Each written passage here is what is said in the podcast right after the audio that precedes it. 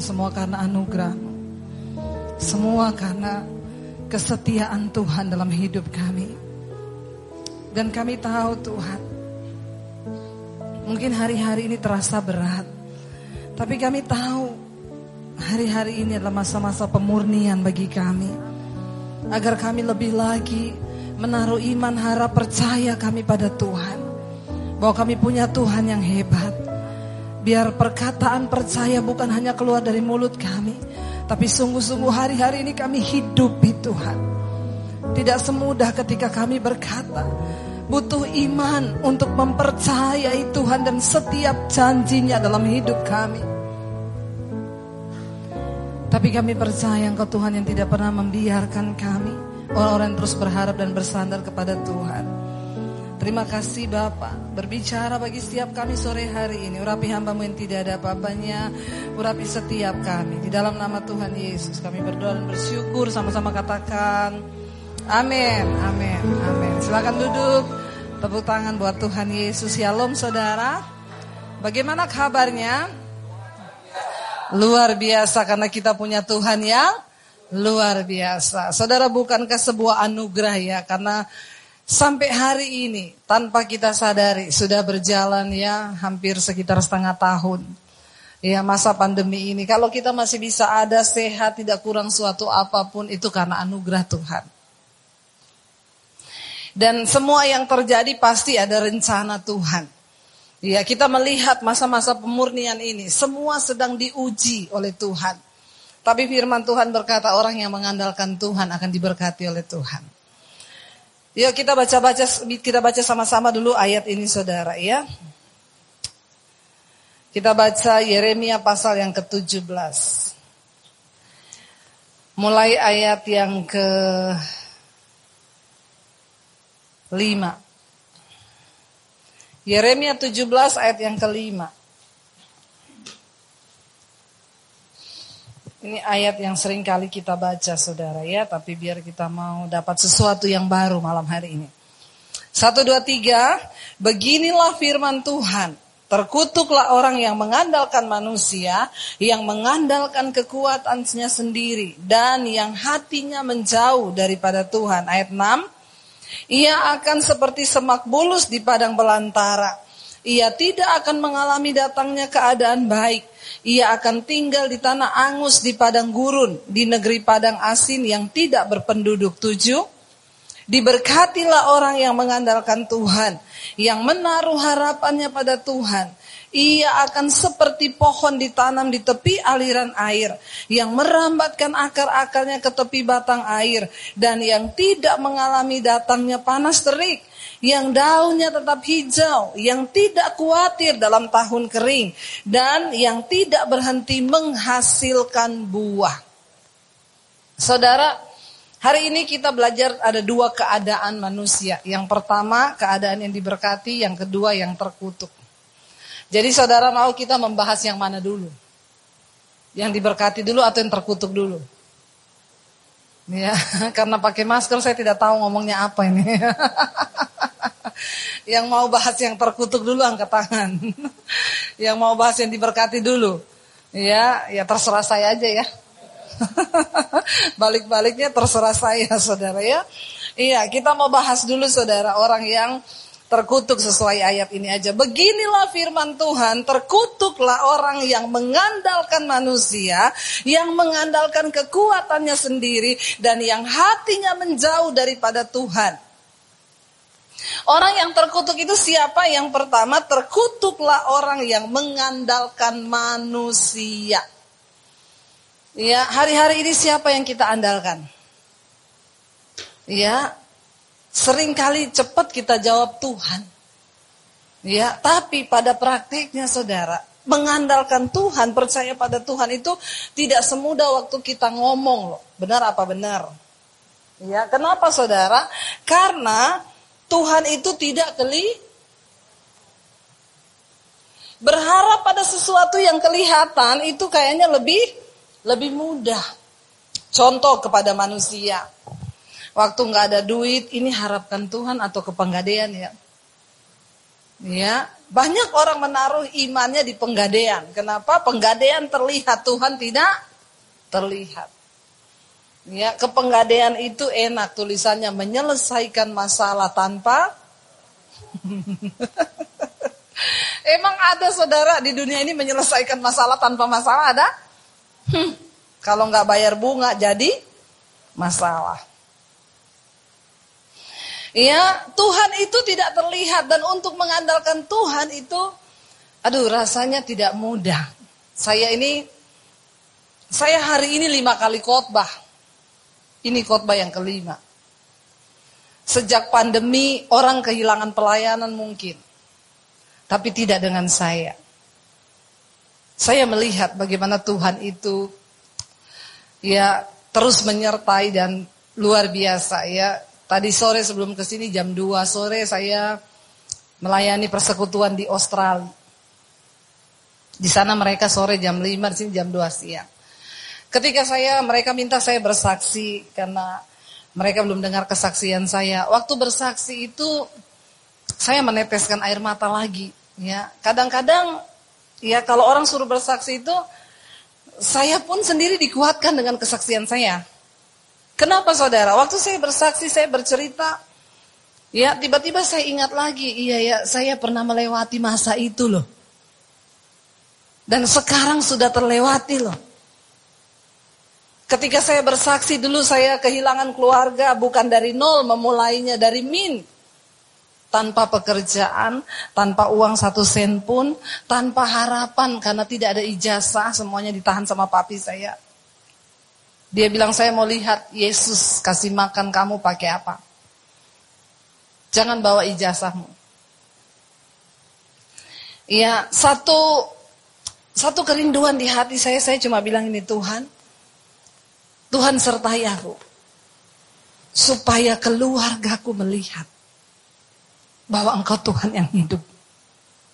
Saya tidak akan meminta satu sen pun dari keluarga saya. Bahkan ketika saya kelaparan, saya nggak punya apa-apa. Saya tidak pernah telepon. Bahkan ke mami saya, ke siapa pun untuk minta uang. Kenapa? Saya tahu itu akan mempermalukan Tuhan. Mereka akan bilang, katanya ikut Yesus. minta uang, mana Yesusmu? Saudara, ketika tadi saya bersaksi kepada mereka, ya saya meneteskan air mata lagi. Kenapa? Ingat masa itu. Ya, sampai kadang-kadang di tempat kos harus kadang-kadang puasa terpaksa. Ya, puasa terpaksa sudah tahu kenapa? Ya anak-anak kos itu kalau makan kan ngurusi perut mereka sendiri. Ya mereka nggak mau tahu di rumah ada makanan atau enggak, pokoknya dia udah pergi kuliah, dia makan di tempat kuliah. Ya saya kadang menunggu belas kasihan, pulang nggak ada yang bawa makanan. Ya sudah. Ya, dengan air mata menyembah Tuhan. Tapi saya percaya semua yang terjadi di hidup kita itu seizin Tuhan. Amin. Ya, jangan pernah menyalahkan Tuhan. Kenapa saudara? Semua yang terjadi itu seizin Tuhan. Waktu kita berkata, ya berapa kali iblis datang ngomong pulang ke keluargamu, ngapain kamu di sini? Ikut Yesus jadi rugi pulang ke keluargamu. Saya cuma selalu berkata firman. Iblis denger ya, aku ini telah dibeli dan hargaku lunas dibayar. Jadi aku sudah kehilangan hak atas hidupku sendiri bahkan. Kenapa? Ini punya Tuhan. Amin. Ketika kita sampai pada titik pemahaman bahwa hidup dan tubuh kita adalah milik Tuhan. Itu udah enak banget saudara. Kita mau difitnah, kita mau dihina, kita mau direndahkan.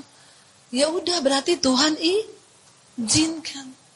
Makanya saya kalau dengar orang orang ngomong, ya ibu kenapa? Itu Tuhan izinkan. Jadi enak tuh, kita nggak ada lagi rasa aku harus bela diri loh, aku harus gini, ndak usah. Semua yang terjadi di hidup kita itu Tuhan izinkan. Baru tadi siang suami saya ngobrol-ngobrol sama para pemain musik. Mereka mengeluh tidak ada pelayanan. Suami saya berkata, kamu tahu ini semua Tuhan izinkan. Supaya imanmu bergantung kepada Tuhan. Bukan kepada pelayanan. Amin. Kalau engkau bergantung kepada pelayanan terus, ya, maka engkau hanya akan hidup dari pelayanan itu. Tapi ketika iman kita taruh pada Tuhan, kita akan melihat kita bisa hidup lebih daripada apa yang kita dapatkan. Lo benar, ya. Saya melihat puji Tuhan hari ini subscriber saya 200 ribu. Tepuk tangan buat Tuhan dong, ya. Saudara, ya, saya tidak pernah Saudara pikir saya pernah bermimpi dengan apa yang ada hari ini? Tidak pernah muncul di benak saya, nggak pernah ada. Saya pernah bermimpi bikin channel YouTube lalu dapat ratusan ribu subscriber. Orang itu nyari subscriber satu aja susahnya minta ampun. Lo bener nggak? Orang subscribe itu kayak kita disuruh ngisi form jemaat untuk komitmen loh. Saya aja punya channel, saya tidak pernah meng-subscribe channelnya orang. Karena itu kan nanti nggak penting. Nanti dia ngupload apa muncul terus di inbox kita. Ting, ting, ting. Bikin ribet kalau yang nggak nggak bagus-bagus banget kan. Saya melihat sekarang itu satu hari nambah seribu subscribe. Saya pernah baca di YouTube dari konten kreator YouTube bilang, kalau ada orang satu channel itu nambah satu minggu seribu itu pasti hacker. Saya satu hari seribu, malaikat hackernya. Siapa yang bisa, saudara Tuhan? Ketika kita ini menjadi orang yang, ya makanya saya mau, mau bilang kita yang hidup dari pelayanan saudara. Tadi tadi sore suami saya bilang, dia bersaksi sama teman-teman pemusik. Dia bilang begini, saya dari umur belasan tahun sudah duduk di keyboard suami saya. Dari masih SMP. Dia pelayanan terus duduk di keyboard. Sampai akhirnya ya setahun setengah yang lalu dia harus meninggalkan pelayanan duduk di depan piano. Dia berkata ketika dia meninggalkan itu berat nggak? Berat, bahkan ada rasa berdosa. Waktu Tuhan membawa kita ke dimensi yang lain. Waktu itu dia bilang dia ingat bawa anak-anak ibadah di satu gereja. Dia lihat orang pelayanan di mimbar. Ada yang main piano, dia meneteskan air mata. Dia bilang, Tuhan, apakah saya salah langkah? Ya, tapi saya nggak mau meninggalkan itu Tuhan, tapi keadaan yang membuat saya meninggalkan. Waktu itu rasanya nggak ada pelayanan, saudara. Benar nggak ada pelayanan. Saya juga harus menguatkan suami yang setiap minggu tidak ada pelayanan. Karena merubah konsep kita Ya konsep konsep suami saya dari dulu kan ya kita hidup dari pelayanan setiap minggu hidup dari pelayanan main musik. Tapi ketika kita mulai berbicara tentang dimensi Tuhan, harus ada kapasitas iman yang diperbesar. Ya, lalu ketika dia hampir berbulan-bulan nggak pelayanan hari Minggu, saya kan mengenal suami saya saudara, dia sedih loh. Dia merasa berdosa nggak duduk di piano. Ada rasa dia bersalah. Saya berusaha menghibur saya. Kan kamu nggak mau begini, tapi keadaan yang membuat begini. Tapi saya percaya saya Tuhan lagi bawa kita ke dimensi yang lain. Nggak ada yang tahu. Tapi kalau tidak dibuat begitu, dia kan tidak akan fokus untuk pelayanan media. Di balik Debbie Basir TV itu konten kreatornya ada suami saya. Ya, dia yang syuting saya, dia yang ngedit, dia yang bikin aransemen musiknya. Saudara tahu sekarang setiap malam dia main piano, tetap main piano sih. Tapi sekali main yang nonton 40 ribu. Kita nggak ngerti apa yang Tuhan buat kan? Kita nggak bisa berusaha ngangkat-ngangkat diri juga nggak bisa. Nggak usah lah ngangkat-ngangkat diri, nanti jatuh sendiri loh. Bagian kita taat pada firman, berharap. Rasanya sulit di waktu-waktu kita tidak bisa berharap, mengandalkan Tuhan. Tuhan itu nggak terlihat. Tapi ketika ada sebuah iman untuk mengikut Tuhan, makanya saya bilang kita butuh iman. Kenapa kita butuh iman? Karena iman itu adalah sesuatu yang kita harapkan bukti dari yang belum kita lihat. Kenapa untuk mengikut Tuhan kita perlu iman? Karena Tuhan itu nggak bisa dilihat dengan mata. Dia hanya bisa dilihat dengan mata iman. Membuat kita bisa merasakan Tuhan itu hidup. Terkutuklah orang yang mengandalkan manusia. Jangan taruh pengharapan akan hidupmu pada pelayanan. Karena Tuhan bisa bekerja lebih daripada itu. Yang menjadi salah. Orang melayani Tuhan akhirnya kita menaruh harapan kita. Maaf saudara, pada amplop yang kita dapat. Kemarin orang-orang saya ini, satu minggu ini saya pelayanan ya di Amerika, di Colorado, di mana-mana saudara. Mereka itu WA ke saya, Bu Debi, iya kami mau undang ibu untuk pelayanan Zoom. Iya maaf, maaf Bu, maaf. Mau tanya, ya tarif ibu berapa? Saya balas, kok kayak angkot? Pakai tarif loh. Ya, saya bilang, ih nggak boleh nanya gitu. Enggak Bu. Ya, karena sekarang kan banyak pendeta-pendeta Indonesia itu sekarang pakai tarif. Saya bilang, aduh, ya hilang urapan loh kalau pakai tarif saudara ya. Saya bilang enggak. Ya kalau saya ya kalau ada puji Tuhan. Ya kalau enggak ada kebangetan kata. puji Tuhan.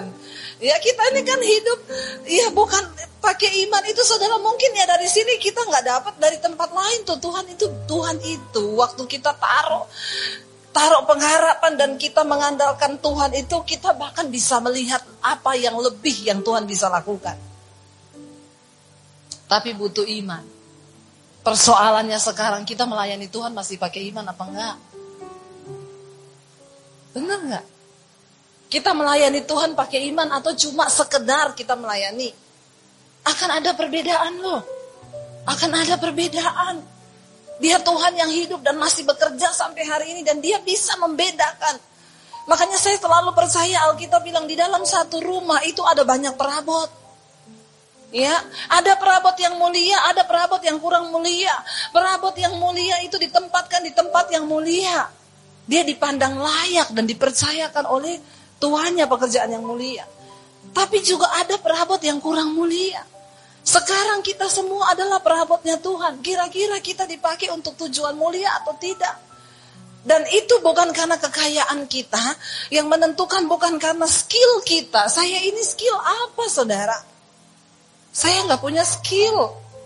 Untuk khotbah saya, saya bahkan nggak punya titel, tapi sebentar lagi saya wisuda loh. Ya, untuk memperlengkapi saja, karena banyak orang di luar sana yang Ya, di mesbah doa aja ada yang gini. Diragukan ini ibu ini teologianya dari mana? Ya, ada yang masih ngomong gitu. Jadi ya sudahlah untuk persyaratan dunia lah. Ya, saya masih kuliah menyempatkan waktu, Saudara. Ya. Saya ini kalau mau bicara skill apa yang saya punya? Enggak ada. Orang yang lebih pintar dari kita tuh banyak. Tapi percaya ke saudara, orang yang mengandalkan Tuhan. Ya, saya tidak pernah bermimpi loh. Dari sebelum pandemi, channel YouTube saya itu 80 ribuan. Dalam waktu berapa bulan ini? 200 ribu lebih. Dan itu dan itu yang saya layani bukan orang Kristen GBI semua. Ya, di situ ada HKBP, ada orang Katolik banyak. Ya, kita nggak perlu dengan kekerasan ngomongin doktrin. Pelayanan yang hidup dari sebuah pengalaman pribadi dengan Tuhan itu akan menjadi berbeda. Ya. Saudara orang nyanyi ya, nyanyi lagu itu. Kalau dia nggak menghidupi lagu itu, dia tidak meresapi lagu itu, itu itu rasanya beda kok saudara. Kita juga mendengarnya juga beda. Kenapa setiap kali saya nyanyi saya pasti meneteskan air mata? Karena saya mengalami apa yang kata-kata lagu itu tulis. Makanya kita bisa meneteskan air mata. Jangan cuma jadi Kristen yang menjadi Kristen yang hanya menjalani saja. Mari kita mulai belajar ngalami Tuhan. Berjalan dengan iman. Terkutuklah orang yang mengandalkan manusia, yang mengandalkan kekuatannya sendiri, yang hatinya menjauh dari Tuhan. Udah andalkan manusia, andalkan kekuatan sendiri, hatinya jauh dari Tuhan lagi. Saudara rugi jadi Kristen hidup begini sayang. Mari hati kita melekat pada Tuhan. Bagaimana cara hati melekat dengan Tuhan? Setiap hari kita koreksi hati kita. Ada nggak sesuatu yang tidak beres? Kalau kita kepahitan sama orang, kalau kita dendam sama orang, kalau ada kekecewaan, mari saudara, setiap mau tidur Tuhan, aku melepaskan pengampunan. Kenapa itu penting? Tuhan lihat hati loh. Tuhan lihat hati.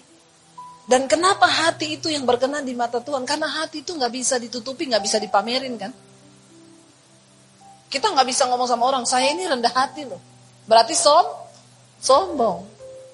Ya, hati itu kan yang tahu cuma Tuhan. Kenapa Tuhan tertarik dengan hati? Karena kebenaran dalam hati itulah kebenaran yang paling-paling sesungguhnya. Waktu mau tidur malam Tuhan, jagai hatiku. Kalau ada yang tidak berkenan, aku mau buang itu Tuhan. Kalau aku masih menyimpan kepahitan atau kekecewaan kepada orang, dalam nama Yesus aku lepaskan pengampunan. Begitu saudara. Supaya hati kita nggak jauh dari Tuhan. Kenapa? Kalau hati jauh dari Tuhan terkutuk loh. Lagian nggak enak kan orang hidup dengan sakit hati. Bener nggak?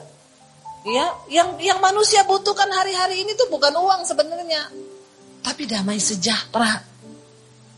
Dan Alkitab bilang orang yang hatinya teguh engkau jagai dengan damai sejahteramu. Ya, punya banyak uang kalau nggak damai buat apa coba? Saya tuh kemarin ditelepon satu orang bapak, Bu, saya udah umur 70-an, 74 apa 76. Saya sekarang di Singapura, Bu. Saya lagi berobat. Hmm.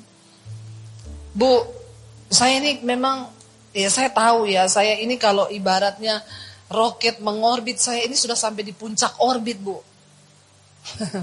Iya, dia bilang kalau ibu tuh kan masih meroket nih, saya ini sudah sampai di puncak, Bu. Saya juga sudah minta mati. Saya juga udah bilang Tuhan kalau saya mati, ya jangan aneh-aneh deh Tuhan. Lagi tidur aja terus mati gitu. Saya tinggal, saya seorang diri bu. Saya di Singapura, ada pembantu yang setia mengikut saya sudah 30 tahun. Yang jadi persoalan gini Bu Dewi, saya ini masih membawa amanah dari Tuhan. Ada harta di tangan saya. Yang saya nggak tahu nih kalau mati nih harta mau saya kemanain.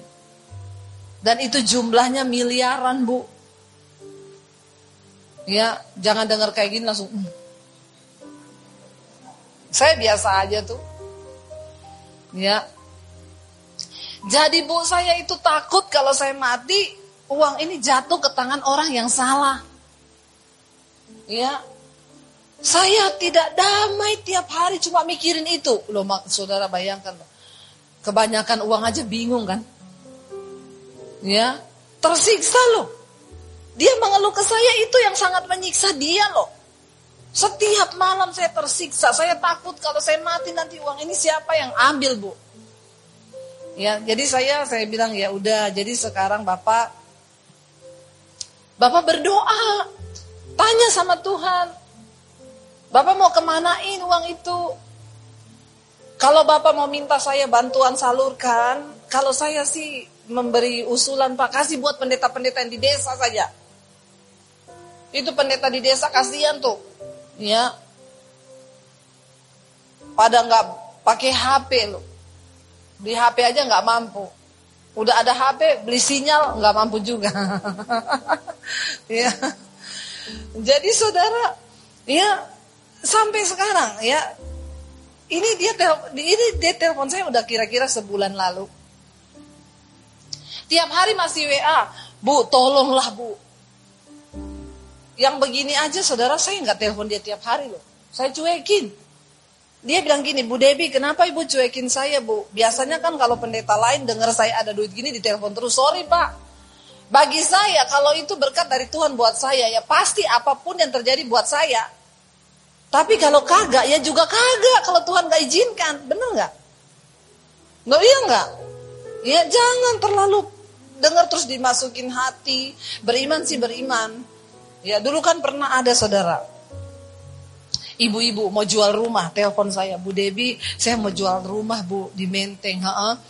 Saya buka harga 20 M. Ini udah ada yang tawar 21 M. Ya udah Bu dikasih aja kan mintanya 20 M. Enggak, saya masih mau biarin dulu aja Bu. Besoknya telepon lagi Bu, ada yang nawar 21 setengah M. Kenapa nggak dikasih? Biarin aja Bu, ini kayaknya masih mau naik. Besoknya Bu, ada yang tawar 22 M. Ibu Devi doain ya Bu. Iya.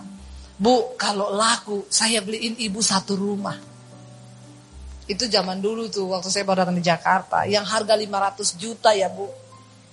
Ah, ah. Ya saya bilang sama suami saya tidak usah terlalu didengar. Ya. Kalau dari Tuhan terjadi kalau enggak enggak. Benar akhirnya rumahnya laku di angka 23 M. Loh dari 20 loh. Jadi 23 loh. Sebenarnya kan tiga itu udah bonus aja ya. Orang 20 udah untung banget nih ya.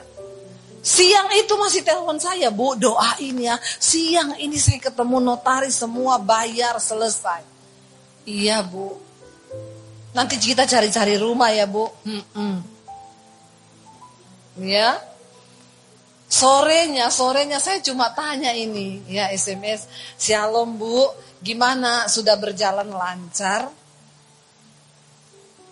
Enggak masuk. Saya telepon. Telepon yang Anda tuju sedang bersembunyi. bersembunyi, jangan mengandalkan manusia. Ya.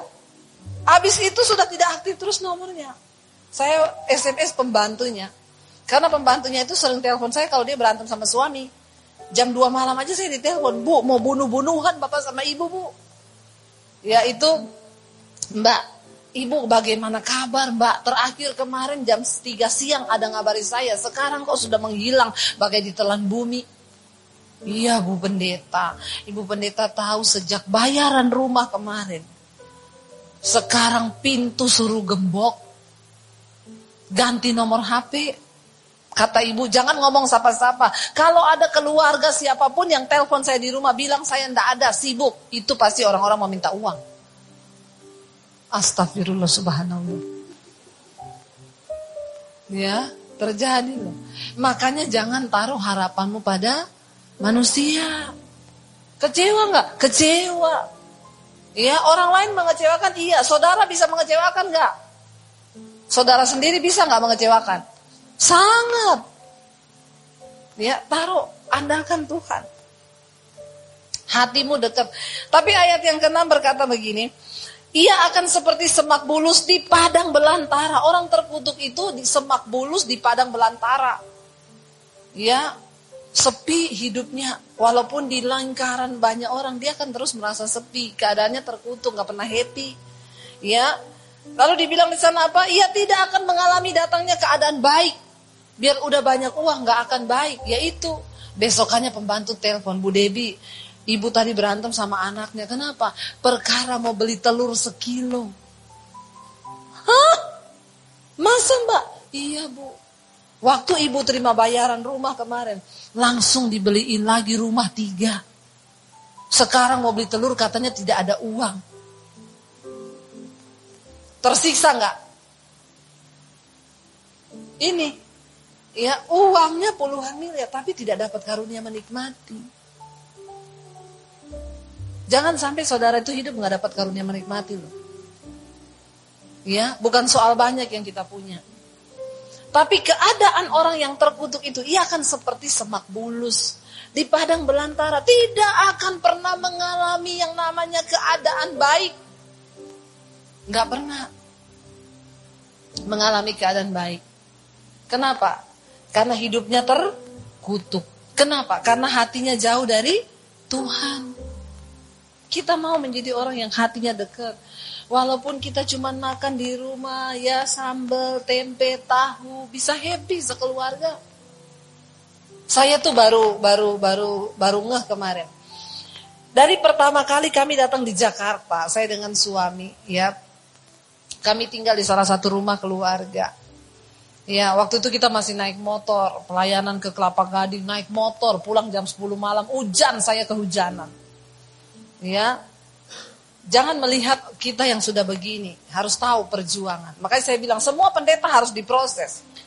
Ya, Pak Yo itu diproses dengar kesaksiannya Pak Yo, wow, ya. Kalau ada ada pendeta keluaran, ada yang kejadian. Ya, ada yang cuma karena keluaran STH, NTH. Ya, tapi belum pernah diproses. Harus diproses kalau mau jadi pendeta beneran. Bener nggak? Supaya kalau kita khotbah jangan cuma bilang katanya. Ya, nanti kita jadi pendeta katanya, ya. Kayak orang buta nyanyi, pelangi-pelangi alangkah indahmu, katanya, katanya. Dia kan enggak lihat. Ya, merah, kuning, hijau, katanya, katanya. Di langit yang biru, katanya, katanya. Karena dia tidak mengalami. Saya dengan suami mengalami di proses Tuhan dari naik motor di Jakarta. Pelayanan sampai ke Kelapa Gading. Ya. Dan benar-benar dengan uang yang pas-pasan.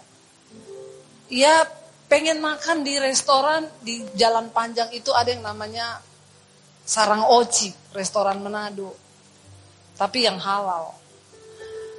Ya namanya kan uang pas-pasan. Kayaknya cuma kita deh yang naik motor datang ke situ. Karena semuanya mobil, tapi saya tuh pengen.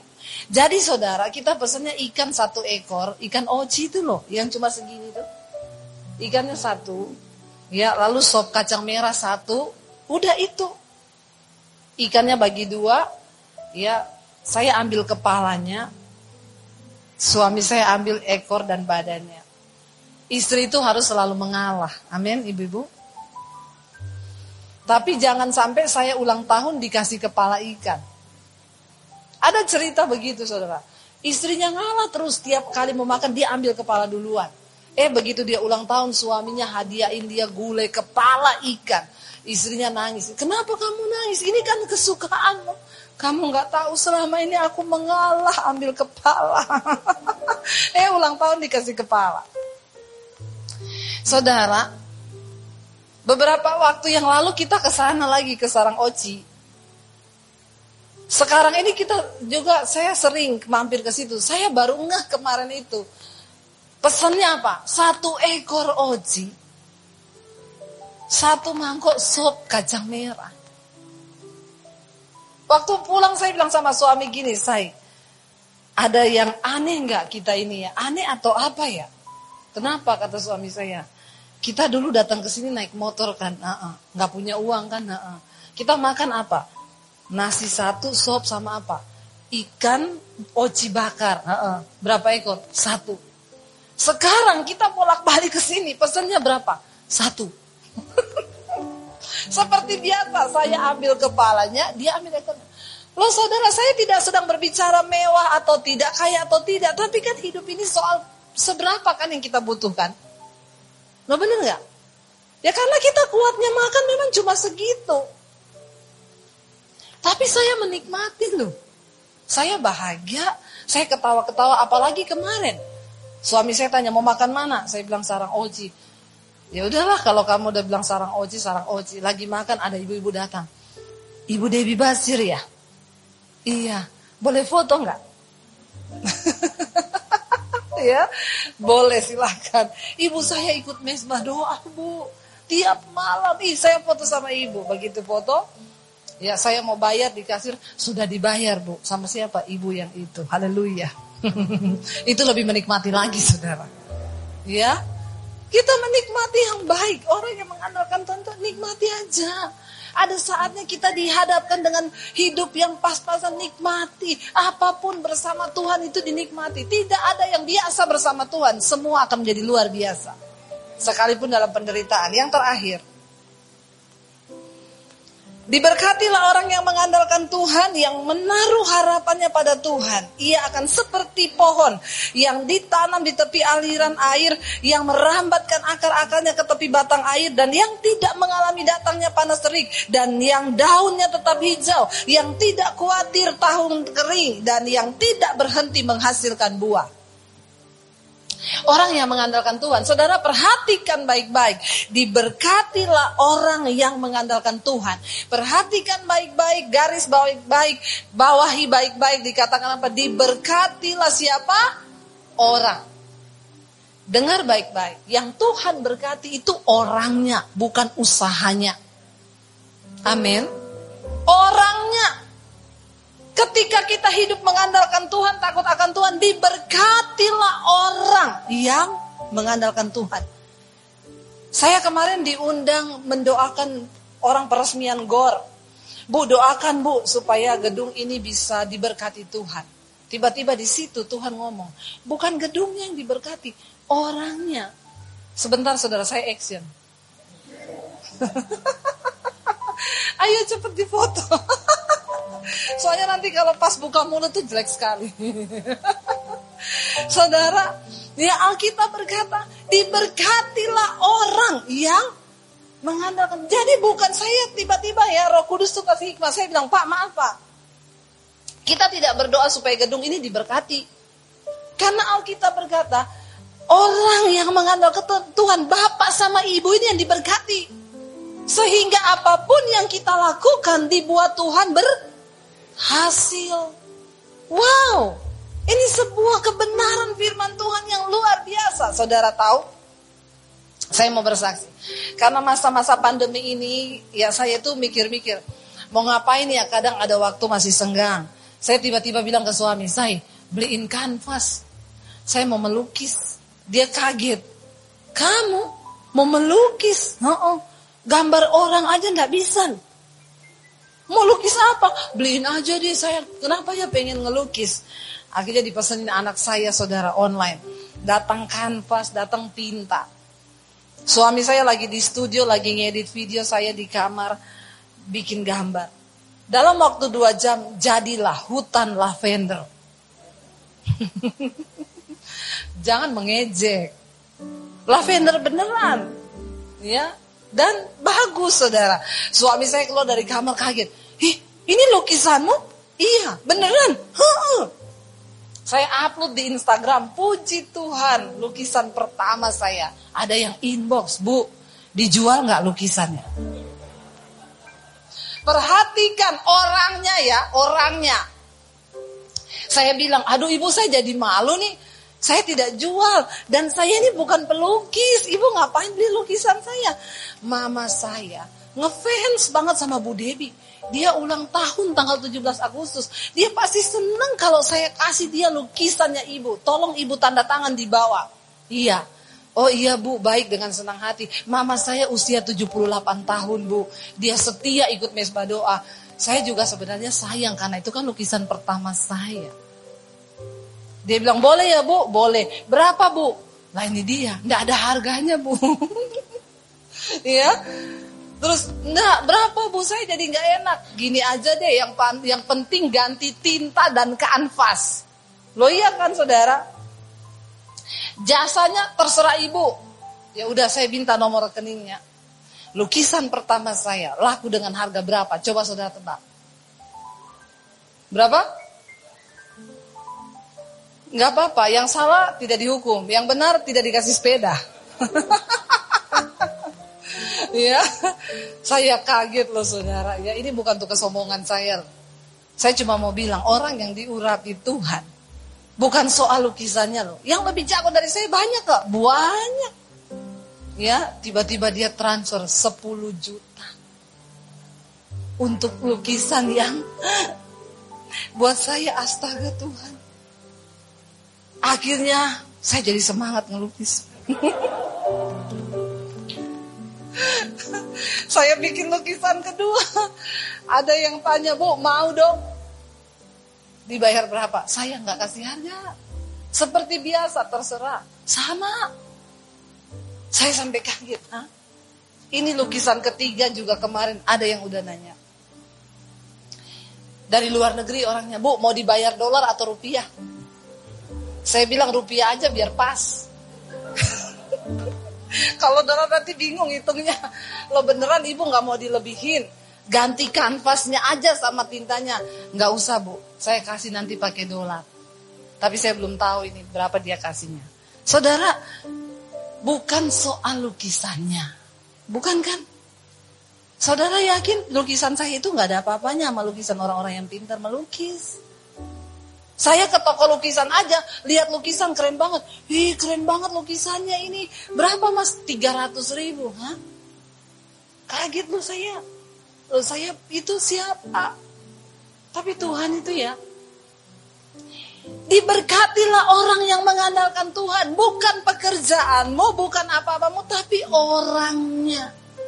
Kita perlu tahu ini saudara.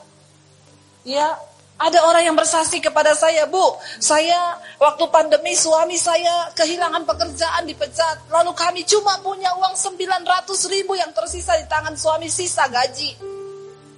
Dan kami tidak tahu harus berbuat apa untuk hidup ke depan. Kami setia berdoa tiap malam di mesbah doa. Saya mulai mengandalkan Tuhan. Tadinya bersungut-sungut. Saya mulai ngerti firman. Akhirnya kami berdoa mengandalkan Tuhan. Tiba-tiba Tuhan kasih hikmat, Bu. Dari uang sisa 900 ribu. Saya ini bisa bikin ayam goreng bu. Saya bumbuin ayamnya, kita frozen. Suami saya beli mesin untuk vakum. Harganya sekitar 300-an ribu, 400-nya buat ayam. Mereka melakukan itu. Dan saudara dia bilang, ibu tahu omsetnya sehari berapa? 800 sampai 1 juta. Tuhan tahu memelihara orang-orang yang setia dan tetap berharap kepada Tuhan. Karena itu saudara, ayo orangnya ya, bukan pekerjaannya. Tapi kita ini loh yang diberkati Tuhan. Saya mau mengajak saudara hari ini. Keadaannya seperti apa kalau diberkati Tuhan? Ia akan seperti pohon yang ditanam di tepi aliran air. Yang akar-akarnya dirambatkan ke batang air. Yang tidak mengalami datangnya panas terik. Mau cuaca kayak apa? Mau pelayanan stop? Mau apa pun stop? Tuhan menyertai orang yang senantiasa takut akan Tuhan. Ya, benar saudara, benar. Ya sudahlah, kita sudah mengalami. Saya sudah mengalami. Tiba-tiba YouTube saya jadi 200 ribu.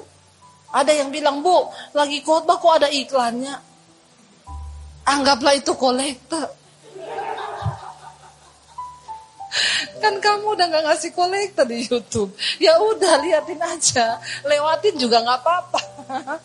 ya, karena itu bukan dari kami yang taruh iklan, itu memang dari YouTube-nya yang taruh iklan. Saya nggak menyangka kan dari YouTube, saudara. Ya, apa yang nggak pernah kita pikir? Orang mencibir, hmm, pendeta cari-cari uang di YouTube. Coba cari yo, saya kasih kalau bisa. Kalau bukan Tuhan nggak bisa. Kalau bukan Tuhan nggak mungkin. Cuma karena kita ini berjalan, apa yang gak pernah kita pikirkan, Alkitab bilang, yang tidak pernah timbul, itu yang Tuhan sediakan. Tahun lalu saya dan suami belum berpikir kami akan melihat keadaan seperti ini. Kita nggak menyangka dari YouTube akan dapat setiap bulan dari uang iklan. Siapa yang menyangka? Kita nggak ada kepikiran tahun lalu. Tapi sekarang kami melihat saudara. Setialah tetap mengiring Tuhan. Mari kita bangkit berdiri bersama. Mari angkat hati dan imanmu pada Tuhan saudara. Katakan Tuhan, kami membutuhkan iman untuk melihat Tuhan. Mungkin hari-hari ini kami sedang mengalami masa-masa sulit. Kami tahu orang yang hidup mengandalkan Tuhan tidak akan mengalami datangnya panas terik, datangnya musim kering, apa pun keadaan di sekeliling kami ketika kami mengandalkan Tuhan, kami adalah orang yang diberkati Tuhan. Bahkan kami melihat Tuhan, bukan karena apa yang kami kerjakan, bukan karena apa pun, tapi sungguh kami mengandalkan Tuhan. Engkau menyertai kami. Hamba berdoa buat umatmu jemaatmu malam ini. Tuhan engkau memberkati kehidupan mereka. Apa pun yang mereka kerjakan Tuhan. Itu hanya sarana Tuhan memberkati. Karena mereka menjadi orang-orang yang mengandalkan Tuhan. Dan mereka akan diberkati oleh Tuhan. Kami terlalu percaya kami punya Tuhan yang hidup. Kami punya Allah yang ajaib dan luar biasa. Terima kasih Bapak, terima kasih Tuhan. Mari kita buka hati dan tangan kita untuk menerima berkat Jika Anda diberkati dengan channel saya, jangan lupa tekan tombol subscribe dan jangan lupa like, share, dan komen. Dan jangan lupa untuk mengklik tombol lonceng di bawah ini supaya Anda mendapatkan pemberitahuan setiap kali saya mengupload video-video yang baru. Jangan takut karena gratis. Tuhan memberkati.